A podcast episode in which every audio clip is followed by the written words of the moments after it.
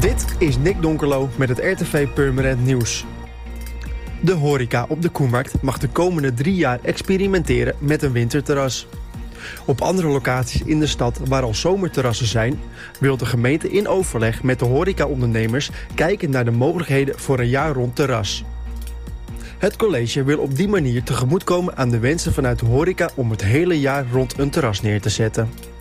Sinds de coronamaatregelen versoepeld zijn... hebben de ondernemers toestemming om een terras ruimer op te zetten... zodat de anderhalve meter gewaarborgd kan worden.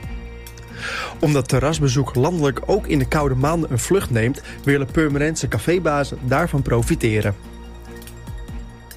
Het ministerie van Volksgezondheid, Welzijn en Sport gaat naar bijna 32.000 Purmerenders een brief sturen. Het gaat om mensen van 18 jaar en ouder die nog geen keuze hebben ingevuld in het donorregister.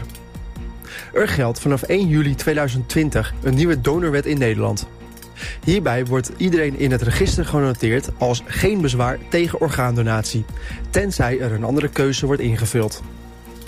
Vanwege het coronavirus hebben Nederlanders twee maanden extra de tijd gehad om een keuze kenbaar te maken. De eerste brief kan verwacht worden rond 25 september. Bij deze brief zit een formulier om in te vullen. Een eventuele tweede brief komt zes weken na de eerste brief. Vanaf woensdagavond is er een nieuw radioprogramma op RTV Purmerend. Purmerend Sport. Presentator Arno van der Breggen neemt je tussen 7 en 8 uur mee in de belangrijkste sportnieuws uit Purmerend en omgeving. RTV Purmerend is te vinden op 104.9 in de ether en televisiekanaal Ziggo 36 en KPN kanaal 1390.